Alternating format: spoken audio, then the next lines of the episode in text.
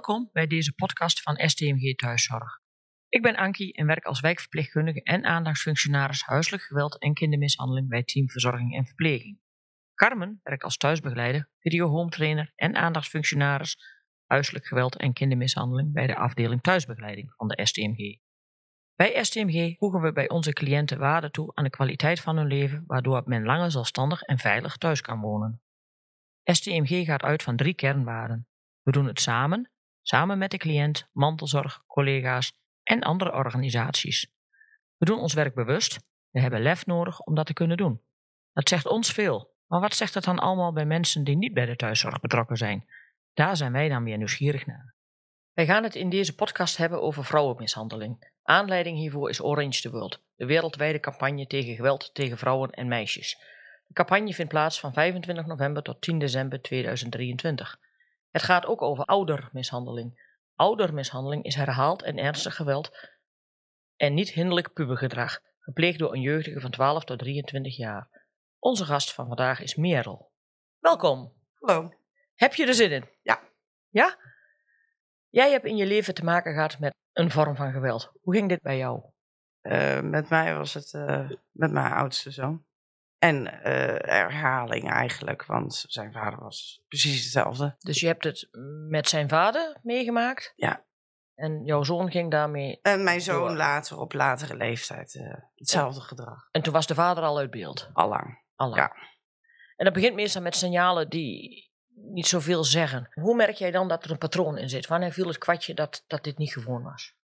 Je hebt het in het begin eigenlijk niet echt door, want het sluipt er langzamerhand in. Maar het begint eigenlijk al met kleine dingen als autoritair, geen respect hebben voor autoritair gezag. Dus op, op school al begint het al dat mee willen doen. Dan volgt er uit huisplaatsing, uh, waar hij gewoon ook de regels niet volgt, wegloopt. En dan wordt het daarna agressief, langzamerhand grote monden. En daarna pas onder invloed van alcohol en drugs uh, wordt het dan erger. Ja, en hoe oud was, was hij toen bij jou uh, wat je viel van dit is echt niet gewoon? Dit is niet gewoon een stevig pubergedrag. Toen was hij al 18 geweest, toen was het echt uh, het ergst. En als je terugkijkt, wanneer is het bij jou begonnen? Tegen jou? Begon met de autoritaire gezag al met 13, 14. En toen had hij al eigenlijk al minimaal respect voor mij. Mij nog wel toe in de zin van, van omdat ik dan de dingen kon regelen voor hem. Om het hem te gemakkelijker te maken. Ja. Maar niet dat hij echt respect voor me had of zo. En wat deed dat met jou? Op dat moment weinig. Hij is een tiener. Dus je weet van oké, okay, het, gaat, het zal wel overgaan. Ja. Maar dan later wordt het alleen maar erger. Nou, dat kan ik me ook wel voorstellen. En pubers, en je hebt makkelijke pubers, je hebt ja. stevige pubers en hele stevige pubers.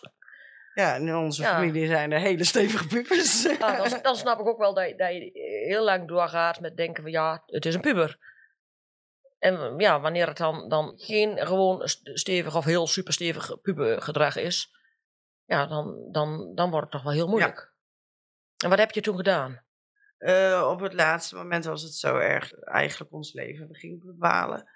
Dus hij was de baas in huis en hij maakte de rommel en hij bepaalde wat er gebeurde. Dus ik en mijn andere zoon leefden eigenlijk boven om hem te vermijden. En hij had eigenlijk de hele woonkamer uh, tot zichzelf.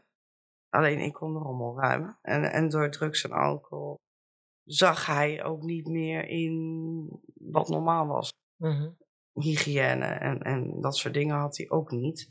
En als je er iets van zei, dan was het grote ruzie. En het punt was dat ik hem eruit heb laten zetten, is uh, door de politie, is omdat het lichamelijk werd. Dat wij echt in een worsteling uitkwamen. En toen is mijn jongste zoon, die heeft gebeld.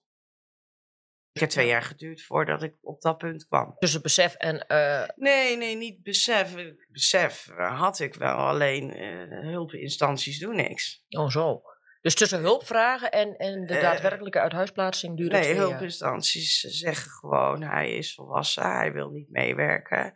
De zaak ligt bij jou, los het maar op. Ja, ja dat is heel makkelijk gezegd, maar dat, je gaat niet zomaar een kind uit huis zetten. Nee, je vraagt ook niet voor niks hulp. En wat deed dat met jou? Zo lang uh, heb je zitten worstelen? Instanties die zijn eigenlijk onmachtig omdat iemand boven de 18 is. Maar, Eh, en hij gewoon systematisch niet mee wil werken. Dus ja, dan zou het alleen via een rechter kunnen afgedwongen kunnen worden. Maar voordat het zover is. Dus Hij weigerde niet. hulpverlening en behandeling. Ja, Ja. Ja. alles eigenlijk. ja, Zelfs naar de gewone huisarts ging die niet. nee. Nee, ja, dan zie je wel in een padstelling van, hij woont bij jou, het is jouw zoon, maar eigenlijk, nou ja, dan kon je de stap wel zetten van, eigenlijk wil ik hem niet meer in huis hebben, maar hoe, hoe krijg je hem in huis? Want hij Ja, is volwassen en hij wil daar blijven. Ja, Ja. Maar welke hulpverleners waren dan allemaal betrokken? eh, de gemeente, eh STMG, eh, de laatste periode. En daarvoor eh, Veilig Huis, geloof ik, is erbij geweest. Veiligheidshuis in de Ja. laatste periode.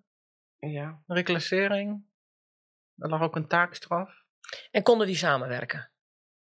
er zijn personen die wat langzamer werken dan de anderen. Langzaam werken is natuurlijk wat anders dan niet Nou, er samenwerken. zitten gewoon een paar ambtenaren en Ja. dat werkt niet zo vlot. En als de nood hoog is, Dan ben je vaak al te laat. Als ja, de nood ho- zo hoog is dat eh, bepaalde vragen al drie maanden moet wachten voordat je antwoord krijgt, dan ben je in dit soort situaties al veel te laat. ja, Maar dat zei de politie toen eigenlijk ook.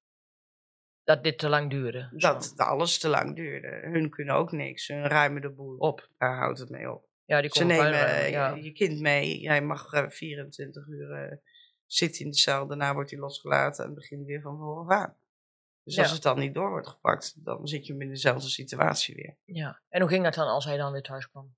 Nou ja, bij hem was het eh, geluk gewoon gelijk eh, gezegd dat hij komt er niet meer in. Waarop de burgemeester een acute eh, zorg heeft uitgesproken, waardoor hij eh, geen toegang had meer tot de straat en woonruimte en mij.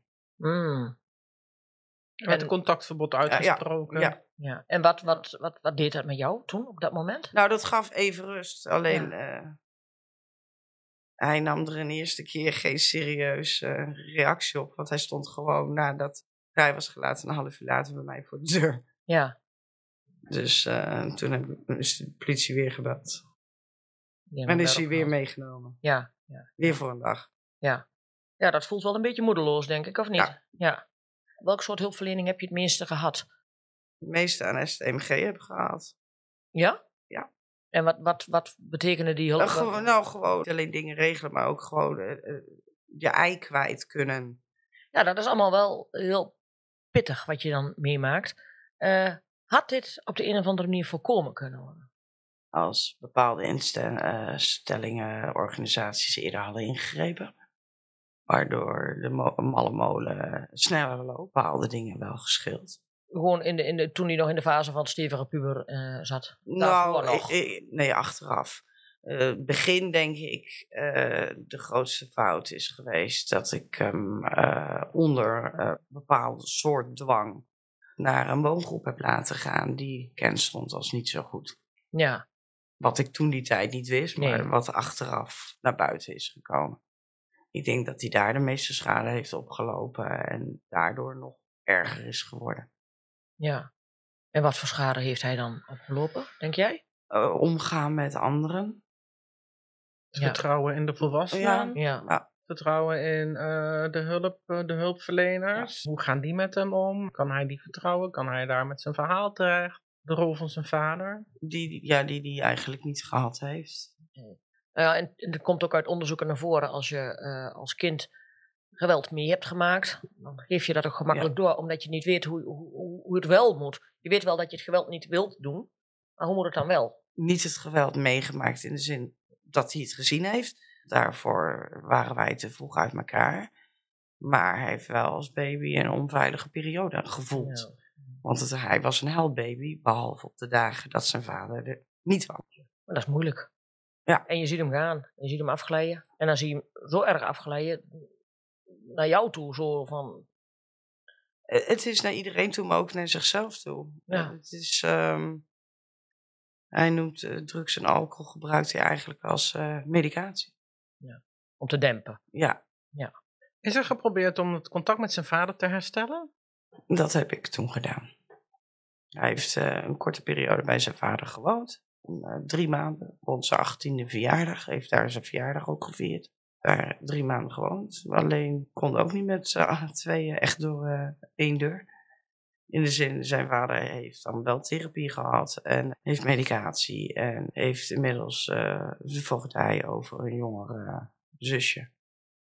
Mijn zoon. Dus is hij wel opzichten veranderd en verantwoordelijk. Maar dat heeft uh, 35 jaar geduurd. ja. Um, dus ja, er is nog hoop, zeg ik dan altijd. Misschien dat rond die leeftijd uh, mijn zoon ook nog verandert. Ik denk dat er altijd hoop is. Ja. Maar uh, mensen moeten wel hun probleem erkennen. En als jouw zoon zijn problemen dempt met alcohol en drugs en denkt dat dat de, de oplossing is. Het is natuurlijk, zijn hele denkwijze is uh, anders. Zo van, uh, ik denk dat het ook deze generatie is van, van de wereld vergaat. Waar leef ik voor? Uh, ik zie geen doel. Is het alleen om gezin bijvoorbeeld groot te brengen? Nou, dat, dat vinden ze geen doel. Dat soort dingen. Mhm. Het, is, het is wel de generatie dat geïsoleerd is. En daar hun patronen eigenlijk een denkwijze van internet haalt. Dat, dat zag je met hem ook. Alles wat, wat verteld werd door anderen uh, op het internet is waar. Ja, en als je dan geen goed voorbeeld hebt, Ja. geen klankbord hebt waar je het over kunt hebben. Ja, en nee, als je dan op internet dingen hoort dat hij jou niet serieus hoeft te nemen, ja, daarin, nou ja, dan, dan wordt het lastig. dus dat speelt wel mee. Het is, het is wel de generatie waar ik denk van, oh, het is, mijn generatie was anders. Ja. Mijn generatie ging uit op de fiets en had uh, buitenplezier. Deze generatie eh, die, die zit alleen maar in internet en Ja. negativiteit ook. Want het is natuurlijk ook een uitlaatklep voor negativiteit op het Ja. internet. Ja, dat zal iedere generatie hebben. Onze ouders dachten ook anders van. En, Nou, en de, hun de muziek, ook de muziek, de denken. muziek. Nee, voor de rest niet. Ik, ik kan me niet herinneren dat eh, mijn ouders, eh, of in ieder geval mijn vader of zo, ehm, dat had van slecht, eh, slechte invloeden. Nee, maar niet slecht, maar wel anders. anders. Iedere, iedere Ja. generatie vindt de volgende generatie anders. En daar daar hoef je geen waardeoordeel aan, aan, aan te hangen. Maar ja, iedereen ontwikkelt zich op Ja. een andere manier. Iedere tijd is weer anders. Dus iedere generatie gaat daar ook op een andere manier weer mee om. Maar heb jij het idee van, van voor jou, eh, eh, nou ben jij een vrouw eh, en jouw zoon past het geweld dus, eh, toe. Heeft dat nog invloed gehad? Invloed op mij? Ja, ik bedoel, maakt, zou het nog verschil hebben van als, als Ja. er nog een vader in, in, in beeld was of een man? Ja, ik denk als er een vaderfiguur in zijn jeugd was geweest, dat hij niet zo erg was geweest als nu. Nee. Maar eh, en stel als hij alleen met een vaderfiguur opgegroeid was, zou het daar dan ook gebeurd zijn?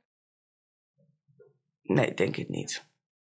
Of zou het aan het type vaderfiguur? Eh, dat bedoel, ook. eh, Het moet wel, had wel een man moeten zijn wat stevig op de grond staat met beide benen. Ja. Moderne metroman zijn, zeg maar. Dat werkt niet. Ja.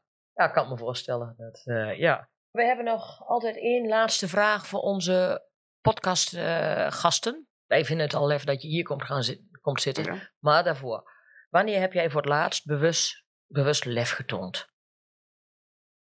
Bewust lef getoond. Ja. Van de week nog. Nee is nee. En dat was in welke situatie? Met zoon.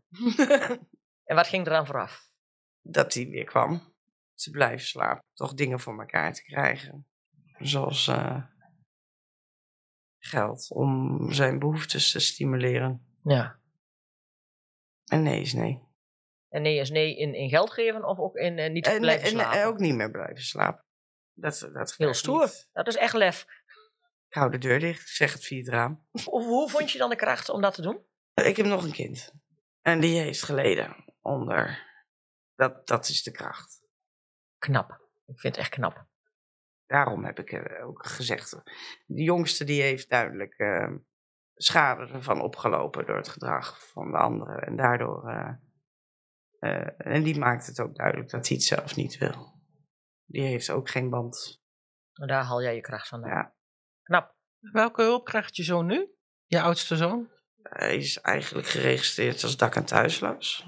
Eh, er zijn wel organisaties, eh Jonahuis vangt hem op. Gemeente bemoeit zich ermee, eh, raad jeugdraad, geloof ik. Bemoeit zich ermee nog steeds, want hij heeft nog steeds uh, heeft nog een taakstraf. Veilig thuis, geloof ik. Of hoe heet dat? Die, die zit erbij in. Het veiligheidshuis? Het veiligheidshuis, ja. En voor de rest. En ik weet dat hij binnenkort een persoonlijke mentor uh, krijgt voor uh, begeleiding in, in alles. En wat is voor, zijn, voor hem het belangrijkste doel? Uh, hij wil alleen nou ja, privé woonruimte en geld en de rest boeit hem niet. En gewoon zijn dingen voortzetten dat hij al deed wat niet mag of niet kan of eigenlijk niet goed voor hem is. En daarentegen zien anderen liever dat hij toch iets van uh, verslavingstherapie gaat doen of afkicken of wat dan ook. Maar ja, dat wordt weer een proces wat afgedwongen moet worden bij een rechtbank, omdat hij niet meewerkt. Hij heeft nog een weg voor zich te gaan. Ja. Maar je hebt gezien met zijn vader dat dat ook een hele positieve kant op kan gaan. Uh, ja, maar die koos er zelf voor. En zolang hij zelf er niet voor kiest, zou het niet werken. Als Dat je er zelf niet voor kiest. Dan zal zijn put nog wat dieper moeten worden. Ja. En hij heeft behoorlijk wat trots in zich, dus ik vraag me af hoe diep. Hij is jong. Ja, dat wel. Wij willen jou bedanken. Ja. Voor onze luisteraar. Heb je hulp nodig? Of ken je iemand die hulp nodig heeft? Bel veilig thuis gratis 0800 2000 dag en nacht. Of chat op werkdagen tussen 9 en 5 uur. Dat kan ook anoniem. Voor hulp en vragen vanuit de STMG zijn wij als aandachtsfunctionaris natuurlijk ook bereikbaar via mail of telefoon. Voor jou als luisteraar, dank je wel voor het luisteren naar onze podcast over de thuiszorg. Zijn er bij jou vragen of opmerkingen opgekomen? Dan kun je ze stellen aan Carmen en Ankie via de mail podcast.stmg.nl. Robert is onze technicus. Hartelijk dank voor jouw technische hulp. Wil je niets missen van onze interessante podcast en alles te weten komen over de thuiszorg? Abonneer jezelf door op de abonneerknop te drukken. We maken onze podcast lef, bewust en samen met behulp van de juiste informatie en inzichten. Toch kan het zijn dat informatie niet volledig is of onju onjuistheden bevat. STMG en makers informeren en helpen luisteraars. Het opvolgen van informatie en inzichten gebeurt uiteraard op eigen risico. De podcast Lef, Bewust en Samen is eigendom van STMG. Zet je de podcast in voor eigen gebruik? Overleg dan eerst door een mail te sturen naar podcast.stmg.nl.